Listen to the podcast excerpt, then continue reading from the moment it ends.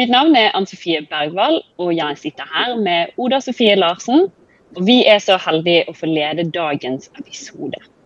Vi har nemlig eh, fått oss en podkastredaksjon, så nå er det enda flere flinke folk som er med å lage pod. Og meg og Oda er først ut. Eh, og Vi kan jo kanskje si litt om oss sjøl først? Ja, det synes jeg at vi kan gjøre. Eh, jeg sitter i styret til Norges Sosialforum og tar for øyeblikket en master i moderne internasjonal og transnasjonal historie. Eh, det er en munnfull, det. Og før jeg begynte i NSF, så har jeg gjort altfor masse ting. Og vært med i veldig mange organisasjoner. Men jeg har en stor interesse for bl.a. økonomisk historie og Midtøsten. Ja, og jeg studerer midtøstenstudier med arabisk. Mens jeg jobber for SV med et uh, Norad-støttet prosjekt med HDP i Tyrkia. Så vi er begge ganske engasjert i Midtøsten, og det passer jo bra, for temaet for dagens episode det er nettopp den eh, pågående søksmålet mot uh, Folkets demokratiske parti, HDP, fremmet av statsadvokaten i Tyrkia. Og HDP er det tredje største partiet i Tyrkia og representerer en rekke ulike minoriteter, selv om de tradisjonelt knyttes spesielt opp mot den kurdiske befolkningen. Bakgrunnen for søksmålet er derfor en påstand om at HDP som parti samarbeider med det kurdiske arbeiderpartiet, altså PKK, som er terrorlistet av Tyrkia og av EU. Om søksmålet går gjennom, så vil HDP legges ned, og flere hundre politikere vil nektes tilgang til politiske arenaer eh, i fem år i fremtiden.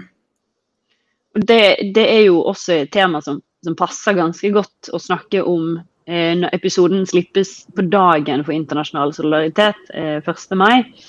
Og for å hjelpe oss med å finne ut av eh, hva som skjer eh, i Tyrkia akkurat nå, så har vi i denne episoden med oss Hisyar Osroy fra HDP, som skal fortelle oss om hvordan det er å stå midt oppi den situasjonen. Og så har vi med oss Roserin Algunahan fra Ungkurd i Norge. Men først så skal vi få høre fra en Tyrkia-ekspert.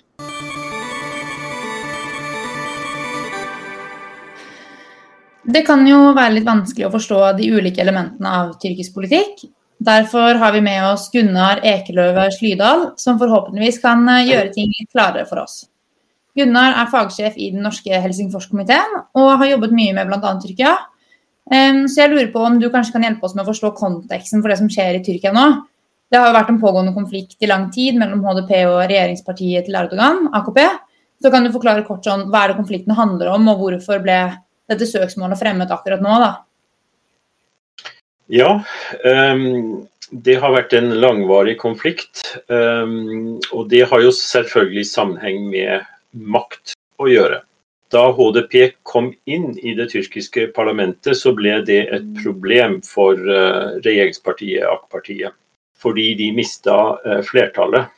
Um, og det har litt sammenheng med hvordan det tyrkiske valgsystemet fungerer. Uh, du måtte ha over 10 uh, for å komme inn i parlamentet. Og i det øyeblikket HDP fikk det, så røk um, Erdogans totale kontroll over parlamentet. Uh, derfor, det tror jeg er den viktigste grunnen, har han blitt veldig opptatt av å svekke HDP. Enten ved å uh, skrive ut nyvalg og forsøke å overbevise velgerne om at HDP er et parti som man ikke kan stemme på. Uh, og når det ikke går, prøve å kvitte seg med det partiet på en annen måte. Og da tror jeg han kalkulerer omtrent så enkelt som at hvis HDP ikke er der, så vil AK-partiet få noen av stemmene og vil sitte igjen med, et, uh, med flertall i parlamentet igjen. Og så er det selvfølgelig også en del andre faktorer. At HDP er knytta til den kurdiske frigjøringsbevegelsen og til dette partiet PKK, i hvert fall det er det Erdogan prøver å påstå at de er. Eh, og også det at HDP ikke bare er et parti for kurdere, men et parti for de som ønsker å styrke demokratiet i Tyrkia. Og for mye demokrati det går kanskje litt utover den enorme makten som Erdogan har samlet i sine hender og i kretsen rundt seg. Ja, for, for, de som ikke har så veldig god innsikt i den politiske situasjonen i Tyrkia, da, kan du si noen ting om hva er den større politiske konteksten dette skjer i? Hvordan er den politiske og også demokratiske situasjonen som du var innom? Eh, hvordan er den i Tyrkia i dag, og hvordan har den utviklet seg de, de senere årene? Kort fortalt, Erdogan kom til makten på tidlig på 2000-tallet med en demokratihatt. Han skulle gjøre Tyrkia mer demokratisk. Og i de første årene så var det mange som, også utenlandske observatører, som sa at ja, dette går faktisk i riktig retning, og han nærmer Tyrkia til EU. Styrker rettigheter, eh, bekjemper tortur. Men på et eller annet tidspunkt um, fra 2005-2006 og utover, så endra politikken seg gradvis. Um, litt bort fra EU-prosjektet om medlemskap i EU, og mer til å bli et klassisk vil jeg si, sånn maktpolitisk prosjekt om å beholde makten. og For å få det til, så gjorde man en rekke endringer i selve maktapparatet. Eh, presidenten var jo tidligere ikke en veldig mektig person, det er den nå. Så i det øyeblikket Erdogan ble president, så ble presidentembetet veldig mektig. Det er ulike, mange ulike politiske partier i Tyrkia, men det er særlig AK-partiet og det gamle republikanske partiet CHP eh, som er liksom maktpartiene i Tyrkia.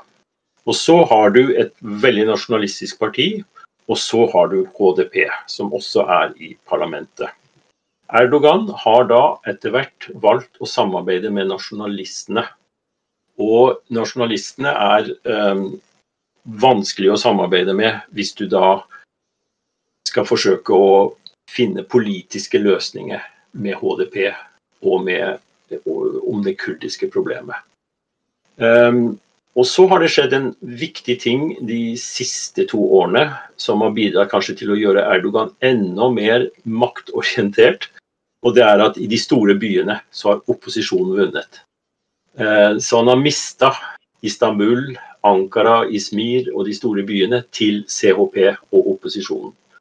Så hvis du er en eh, president som er villig til å bruke autoritære metoder, og er veldig opptatt av å beholde makten, både for deg selv og for hele det apparatet som du har bygd opp rundt deg, så er det logisk det som skjer i Tyrkia i dag.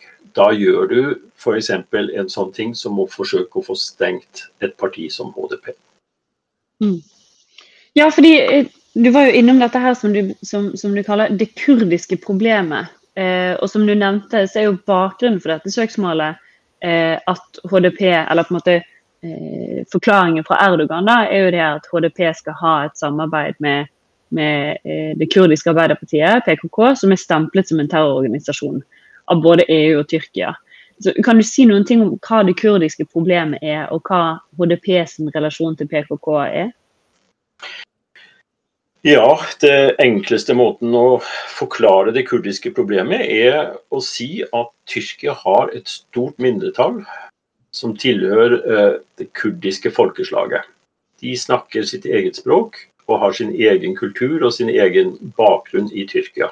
Tradisjonelt så bor de i sørøst-Tyrkia, men mange har emigrert til de store byene i, eh, i eh, Vest-Tyrkia.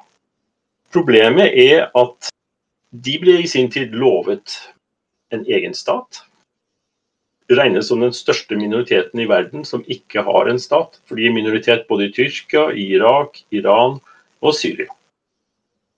Og så har um, PKK um, på 1980-tallet konkludert med at vi får ikke våre rettigheter som folk uten væpna kamp.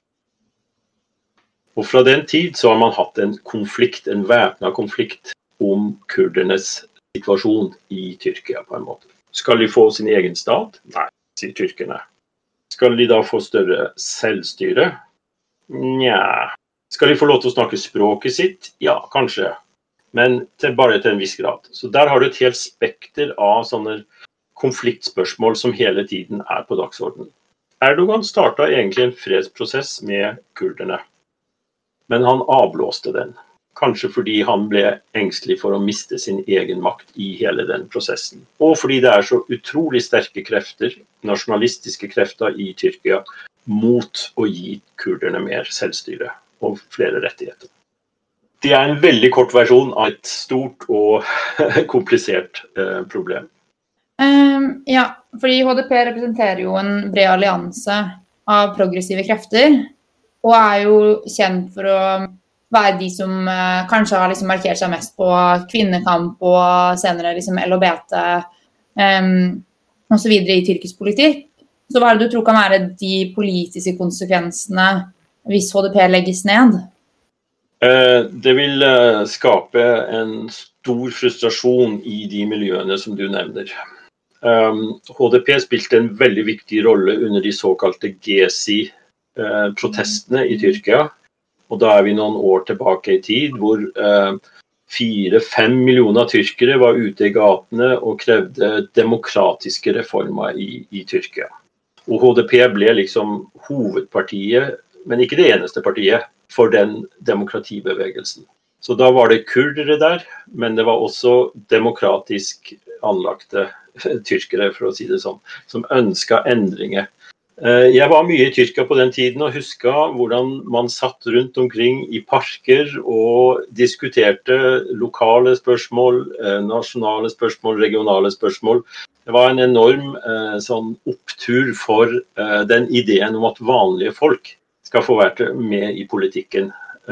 Fordi det var en protest mot sentralstyret, mot at man skulle etablere en park, eh, et stort kjøpesenter i en av Istanbuls flotteste parker. Det var sånn det begynte. Så det var en reaksjon mot at store beslutninger ble fatta fullstendig over eh, hodet på folk. Og det var også en verdikamp um, for ulike typer minoriteter i samfunnet. LHBT, men også kanskje religiøse minoriteter, og dette med akademisk frihet osv. En frihetsbevegelse alle de gruppene vil bli frustrerte hvis HDP blir stengt. Fordi HDP var nok det partiet som i størst grad fanga opp denne bevegelsen i, i, Tyrkia. Og Da er jo spørsmålet hvis HDP blir stengt, hva da? Um, det er jo ikke første gang et politisk parti blir stengt i Tyrkia.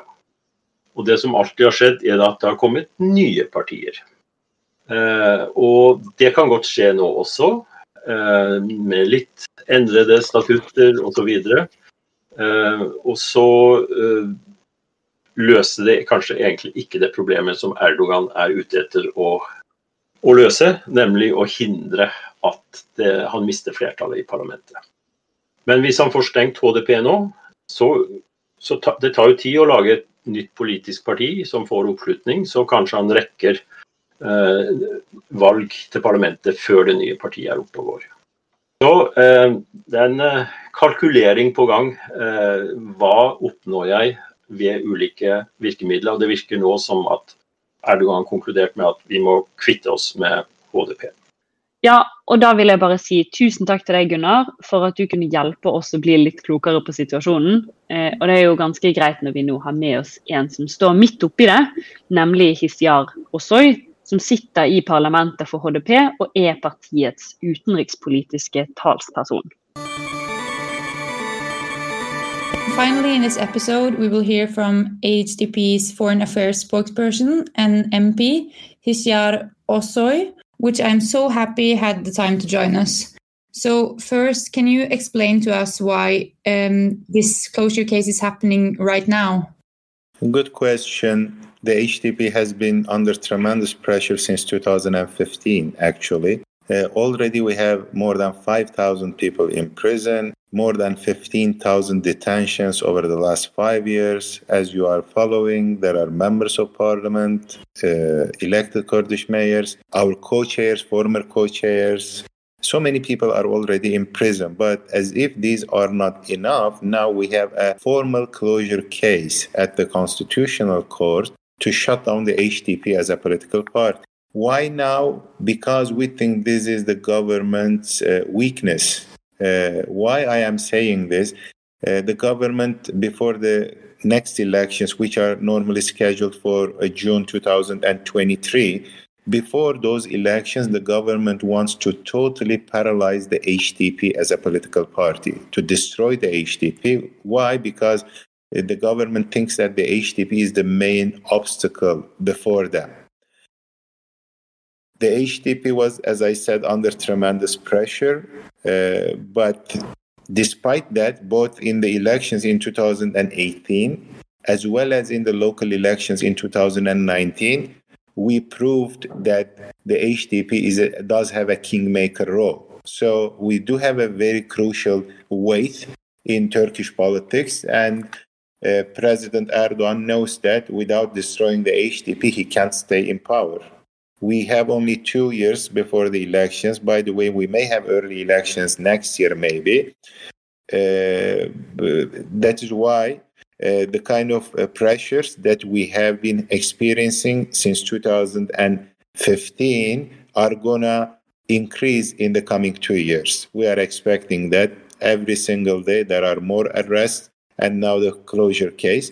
Uh, this is, as I said, it is the weakness of Erdogan uh, because they know that they cannot get many votes from people this time. That is why they think that they should be destroying the opposition. Uh, so we, we, we are having with our battle with the AKP over the last five years. But as I said, the conflicts, contradictions are deepening and intensifying, hence the pressure on our government. And of course, this is also the reason why we are also uh, furthering our struggle to overcome all of these challenges. Okay, thank you. I think it is such an um, important point that you're making that this uh, the like tightening grip around Turkish democracy is something that um, uh, really affects you more and more uh, for each passing day. And how does the current trial affect your members? Like, do you think that this heightens the risk of politically active people of your movement getting arrested?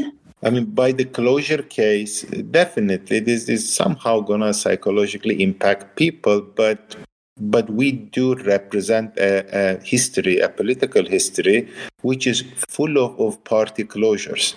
Since the early 90s, at least six uh, political parties uh, were banned by the Constitutional Court, but each time we could manage to develop more powerful political parties. That is why, although the idea of the government is to intimidate people, uh, we are very much used to working under such repression. If they shut down our political party, it's going to make it difficult for us, definitely, because they are also thinking to cut the financial aid that we get from the Treasury. And also, they want to impose bans on over 600 people, including our co chairs, administrators, and myself, too. This is going to make it difficult, but the HDP represents more than 6 million people. I am sure there will be many other people who will be developing new political mechanisms and new political party and continue with the struggle. The government can shut down the HDP as a political party, but the HDP is not just some buildings, some offices right? We, we, we, represent a very rich, powerful, dignified political struggle, actually, multiple political struggles. And it's not just the Kurdish political struggle, the women's movement, ecology movement, all kinds of labor movements, uh, LGBTI communities, uh, other ethnic minorities, uh, religious minorities in Turkey, like the Alevi people, Armenian, Syriac people, Yazidi people, who, all of whom find some representation within the HDP. So if they shut us down uh, by means of a decision of the Constitutional Court, which is under the direct control of the government, then we will develop some other mechanisms and continue with our struggle. As we say, you can shut down the HDP as a political party, but you cannot shut down the history and sociology on which we have established the HDP in the first place. That sociology, that history of struggle is going to prevail and it will create its own voice and you know representative mechanisms in the future. If they shut down our political party uh, through a closure case uh, filed at the constitutional court. I, I think it's such an important point that you're making that um, you know this is not the first time this is happening and also that your party is sort of um, like the melting pot for different social movements and different part of civil society in turkey um, especially with the um, only three parties represented in uh, in parliament, and HDP being the only like liberal left wing party.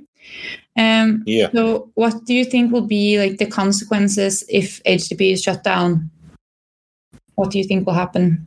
Yeah, I, I mean, definitely it is going to make it difficult for us to carry out uh, our political activities. Establishing a political party, establishing a successful political party is not that easy given the political circumstances in the country. There is extreme repression. Many of the people who we have worked with, either they are in prison or, or they left the country, they are asylum seekers, maybe in your country, in Germany or other European countries. So over the last six years, it has been difficult, I should admit, to, to run a political party while you are every passing day you have people being detained or expelled or the people taking a, a refuge in like European countries. It is difficult. But as I said, we do represent more than 6 million people. I would say now maybe even 7 million because uh, the, the closure case and recent attacks on the HDP we are seeing has created a lot of sympathy and support for the HDP as well. Uh, given this situation, yes, things are going to be difficult. We may need to establish a new political party, but it's going to be tough, definitely. It takes time to reach out to new people, to establish, you know, uh, congresses, to do all kinds of works, and to rebuild ourselves. Uh, and if that happens, the closure happens before the elections, really, I mean, it will be kind of being captured off guard. That is why we are uh, working on multiple strategies. Uh, if they shut down the HDP, we need to provide our people with some alternative. I can't share with you the details of that, but we have multiple plans. We have plan A, B, C, uh, in case our party is shut down, we will try to find a way to be a powerful actor and factor in Turkish politics in the new elections. That much I can say. This may be in the form of having a new political party, joining another poli- already existing political party, or running in the elections as independent candidates. But one way or another, uh, we uh, we will find a way into the Turkish parliament and keep uh, on like our struggle to raise the uh, voices and demands of multiple peoples in Turkey. Yeah, thank you. I um, I hope you're right, and uh, um, I believe that uh, you will be able to uh, find new ways to organize. Absolutely. So, finally, um, I just wanted to ask you if you have like an appeal for the international community to that you want to express, or if you have any clues to like how we can express solidarity or contribute to your case in any way? Okay, thank you so much. This is a very good question. First, I would like to say one thing. I mean, the struggle that we as the HDP are having in Turkey is uh, an international struggle by definition. And I am saying this not from an ideological viewpoint, which is also what I support, but from a practical viewpoint. Erdogan and Turkey are very, very crucial for the peoples of Europe uh, and the Middle East because Turkey does occupy a, a very uh, strategic location in between Europe and the Middle East. Uh, Turkey has been using, for example, the refugee card again against European countries. President Erdogan has been pursuing a very violent political agenda in the Middle East, in Libya, Eastern Mediterranean, in the Nagorno-Karabakh region, in Syria, in Iraq. So there are all kinds of military incursions here and there. So if we overcome the militarism and ultranationalism of this current Turkish government, there will be positive consequences for the peoples of the Middle East as well as peoples of Europe. So, in that sense, we are carrying out an international struggle. From a, an ideological viewpoint, of course, the HTP uh, from the very beginning has built quite powerful solidarity networks with all kinds of political parties, progressive political parties in Europe, the Middle East, even in Latin America, the United States. So we have a very diverse ne- network of solidarity. So, in such difficult times, I should say, we have received incredible forms of uh, solidarity from people across the world. Very recently, for example, uh, when we had the Kobani case, which was on the 26th of April, only a couple of days ago, there were 16 uh, people who came from European countries despite the pandemic. To be honest, we weren't expecting that many people. Uh, if we don't have the pandemic, we were expecting probably more than 100 people to observe the hearing.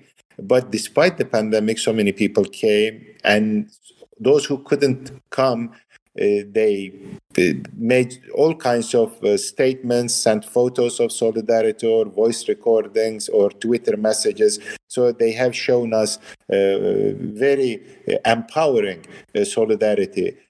As I said, as we get closer to the elections, the pressure on the HDP will increase. That is our expectation. Unfortunately, uh, the government will be more aggressive towards us, more arrest, detentions, and you know, uh, to prepare for the elections. And that is why we are in need of uh, more and more international solidarity.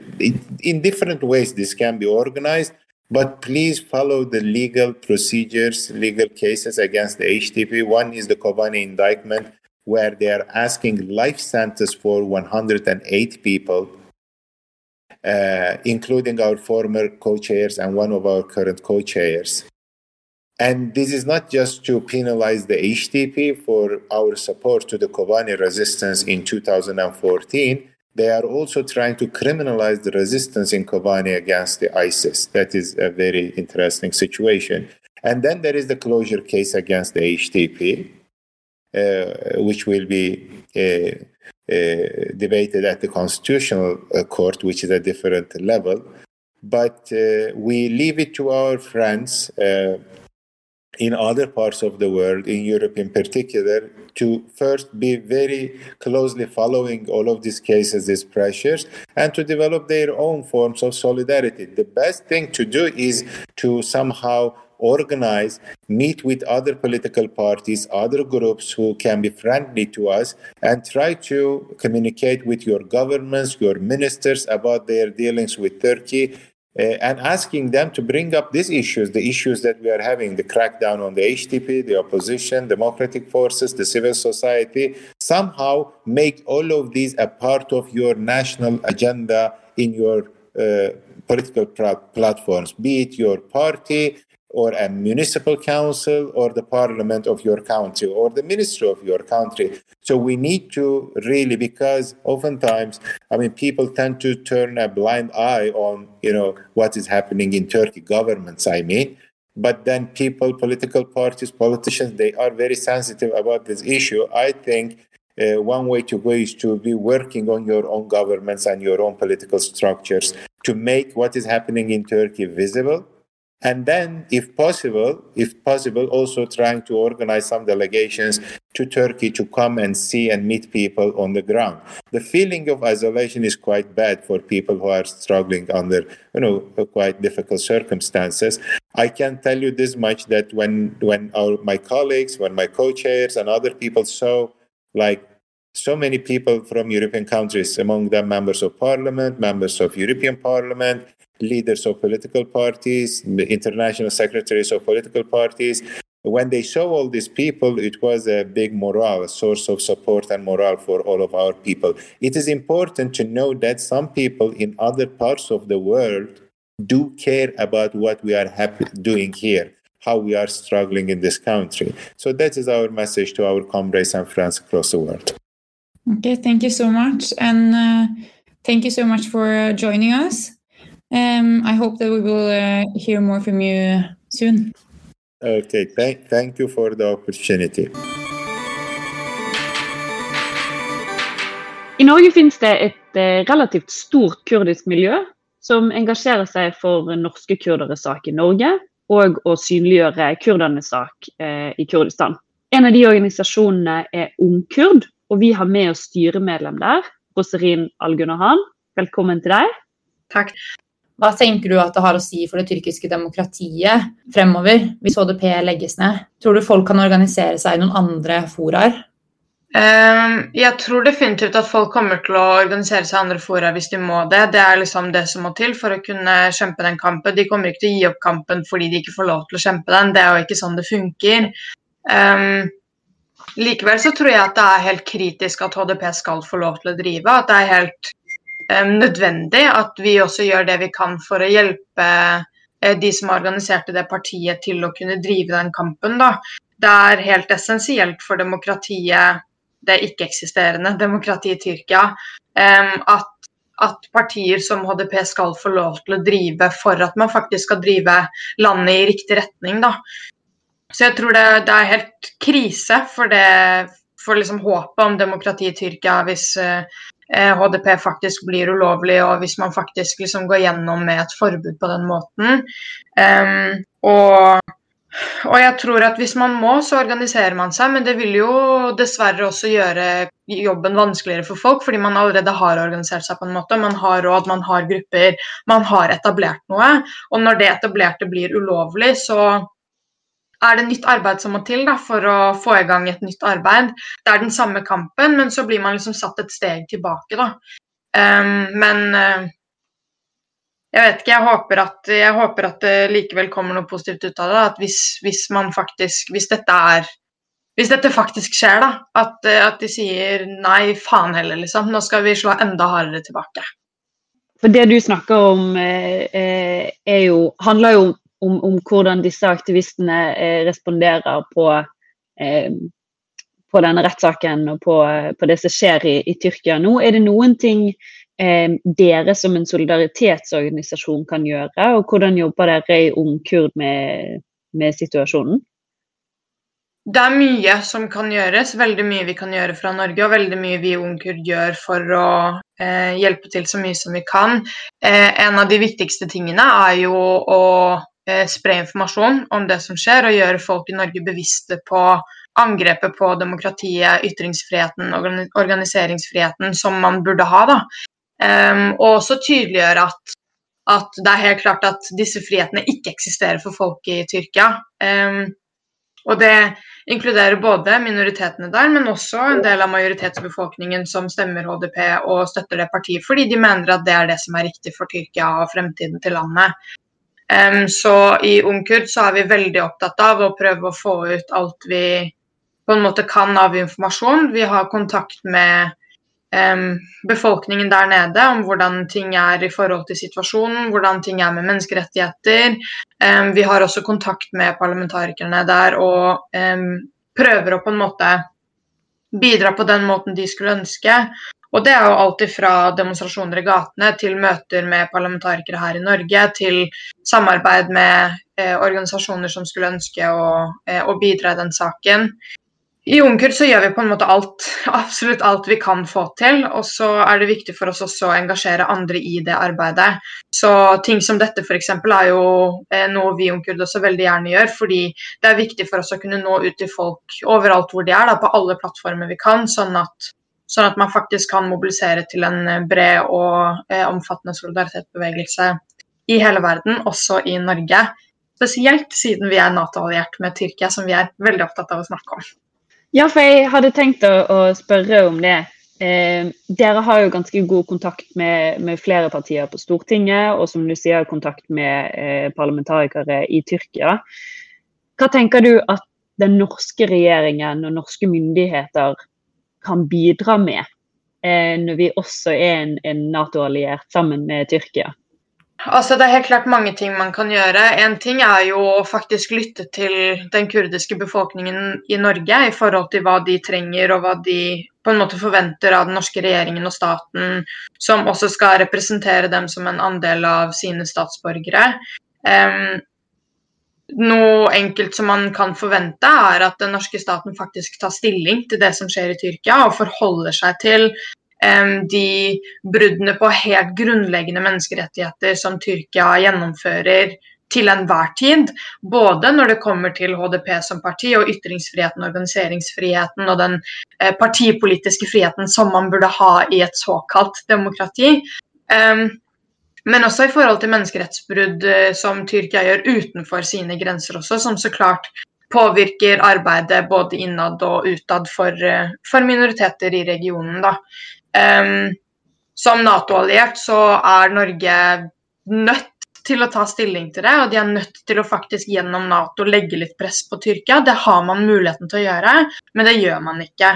Ofte så er unnskyldningen at å nei, vi er en veldig liten stat, og for at liksom, vi skal kunne si noe, så må noen andre gjerne eh, gå først. Tyskland må si noe, eller Frankrike, eller USA. Og, eh, og, vet du hva, det går ikke. Vi kan ikke drive med sånn ansvarsfraskrivelse. Vi er en stat som er veldig veldig anerkjent for å være gode på menneskerettigheter, være gode på likestilling. Vi er flinke på eh, å inkludere, og da må vi inkludere også utenfor våre grenser det sømmer seg ikke at Norge er Nato-alliert med Tyrkia og ikke tar stilling til de helt sånn brutale bruddene på menneskerettigheter som faktisk foregår der. da. Eh, jeg merker at jeg blir litt sint, for jeg blir så oppgitt over at, eh, at, vi, ikke gjør, at vi ikke gjør det vi kan gjøre. da. En ting er å samarbeide med, med de stemmene vi har i Norge som, som stiller helt åpenbare krav, men eh, men ja, legge press på Tyrkia gjennom Nato. Våpenhandel er veldig viktig at vi ikke driver med. Det kan ikke forekomme at vi handler våpen med Tyrkia i en periode hvor det ikke eksisterer noe demokrati der, men hvor vi også vet at norske våpen har blitt brukt mot minoriteter i regionen. Um, så um, internasjonale sanksjoner kan vi bidra til at blir satt mot Tyrkia. Det er, liksom, det er det er en lang liste med ting. Det kommer bare an på hva man har lyst til å gjøre, og så får man bare gjøre det, da. Ja. Kalle Tyrkia inn på teppet og faktisk ta en prat med utenriksministeren deres og snakke om situasjonen. Snakke om at OK, vi skal være buddies gjennom Nato, liksom, men for at det skal skje, så må vi faktisk vi må være enige om noen ting her, da. Eh, jeg kan ikke være kompis med en som er bølle, og som ja, Bølle er veldig mildt, liksom. Som er en diktator og terrorist og alt annet som, som Erdogan og den tyrkiske regjeringen er, da. Um, det er veldig enkelt. Vi må bare ta stilling. Det er det vi må gjøre. Og HDP er jo en, eh, er jo en brei, eh, eller representerer jo en brei bevegelse. Um, og uh, dette angrepet på HDP er jo også et angrep på som nevnt, sånn, kvinnebevegelsen, på LHBT-bevegelsen, også på klimabevegelsen. Burde ikke dette også engasjere et bredere Eh, sivilsamfunn i Norge? Det er det som også er så viktig, er at det er en veldig sånn spesiell tid vi er i med Tyrkia og liksom polit den politiske sfæren i landet. Um, fordi Samtidig som vi snakker om at HDP skal avsettes, og at eh, det tredje største partiet i Tyrkia, med, som representerer liksom en ekstremt stor del av befolkningen, ikke skal få lov til å drive sin virksomhet lenger, så eh, er det også snakk om at Tyrkia vil trekke seg fra f.eks. Istanbul-konvensjonen, som er helt kritisk når det kommer til kvinner og kvinners rettigheter i landet. Også LHBTQ pluss-bevegelsen, som rammes av, av eh, vold som som på en måte er Formålet med Istanbul-konvensjonen er jo at man skal eh, jobbe aktivt mot dette, og at man skal gi et ordentlig rettsvesen til de som blir rammet av denne typen skjønna vold eller eh, vold mot skeive. Og, og, i en tid hvor, hvor HDP, som er det partiet, det partiet som virkelig snakker om kvinners rettigheter, skeives rettigheter, klima og miljø, snakker om minoriteter, snakker om mangfold, Um, når det blir ulovlig, så blir det mye enklere også for regjeringen å få igjennom disse tingene som å trekke seg fra Istanbul-konvensjonen uten at det blir stilt spørsmål om. Så når vi i Norge er så opptatt av miljø som vi er, Oslo er vel blitt kåret til miljøhovedstaden, når vi har liksom rettigheter for kvinner, opptatt av å få kvinner i arbeid, opptatt av at de skal ha rettsvesen, opptatt av at um, kvinner skal være verna mot vold i hjemmet og vold ute på gata, så er det viktig også at vi tar stilling til det andre steder i verden. Den solidariteten som vi har med kvinner og LHBTQ pluss-bevegelsen og eh, minoriteter i Norge, den kan ikke være bare for folk i Norge. Den må også bre utover eh, de norske statsgrensene. Da. Og igjen så er jo det veldig relevant at vi, at vi jobber um, særdeles hardt med å få, få, ivaretatt de rettighetene i Tyrkia. Igjen som Nato-alliert, hvor vi har et veldig tydelig bindeledd til den tyrkiske staten. Da. Um, så, så, det er absolutt uh, en ting som vi i Norge burde engasjere oss for, og en ting som vi som, som, enkeltindivider i Norge også burde være opptatt av. Så lenge vi er opptatt av de rettighetene her i Norge, så burde det også inkludere folk utenfor eh, vår statsgrense. Mm. Ja, det er jeg så enig med deg i. Og jeg eh, er også helt enig i det du sier om at Norge har hatt en veldig passiv utenrikspolitikk rettet mot Tyrkia de siste årene, og at definitivt er mer um, vi burde gjøre det. Så tusen takk for at du kunne komme og være med oss uh, her i dag. Og så gleder vi oss til å se følge rettssaken videre. Og det virker jo som uh, det kanskje kan føre noe positivt med seg. Da, at det blir lagt såpass mye internasjonalt press på eh, tyrkiske myndigheter som det vi ser at uh, gjør nå. Mm. Ja, takk for at jeg fikk være her, og for at dere tar opp dette og gir det liksom plass på eh, dagsagendaen. Jeg tror det er viktig at vi, at vi, husker på at dette skjer, og at selv om ikke det påvirker oss snart her, så, så tror jeg at det vil ha konsekvenser også for resten av verden hvis, uh, hvis Tyrkia og, og, spesielt Erdogan som president da, får lov til å drive sånn som han, som han gjør nå.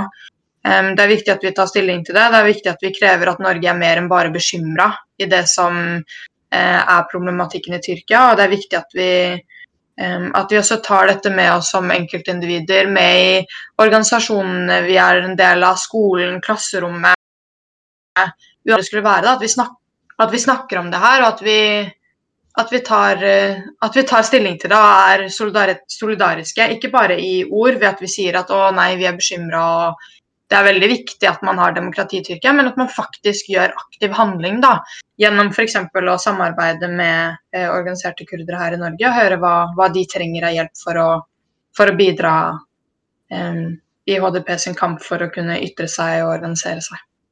Tusen takk til dere som har hørt på. Det har vært veldig gøy å få spille inn vår første podkast-episode om dette temaet, som vi eh, synes er eh, utrolig interessant. Og tusen takk til våre produsenter Sigrid og Jenny. Og til eh, dere som hører episoden samme dag som den slippes, vil vi gjerne si gratulerer med dagen, kamerater.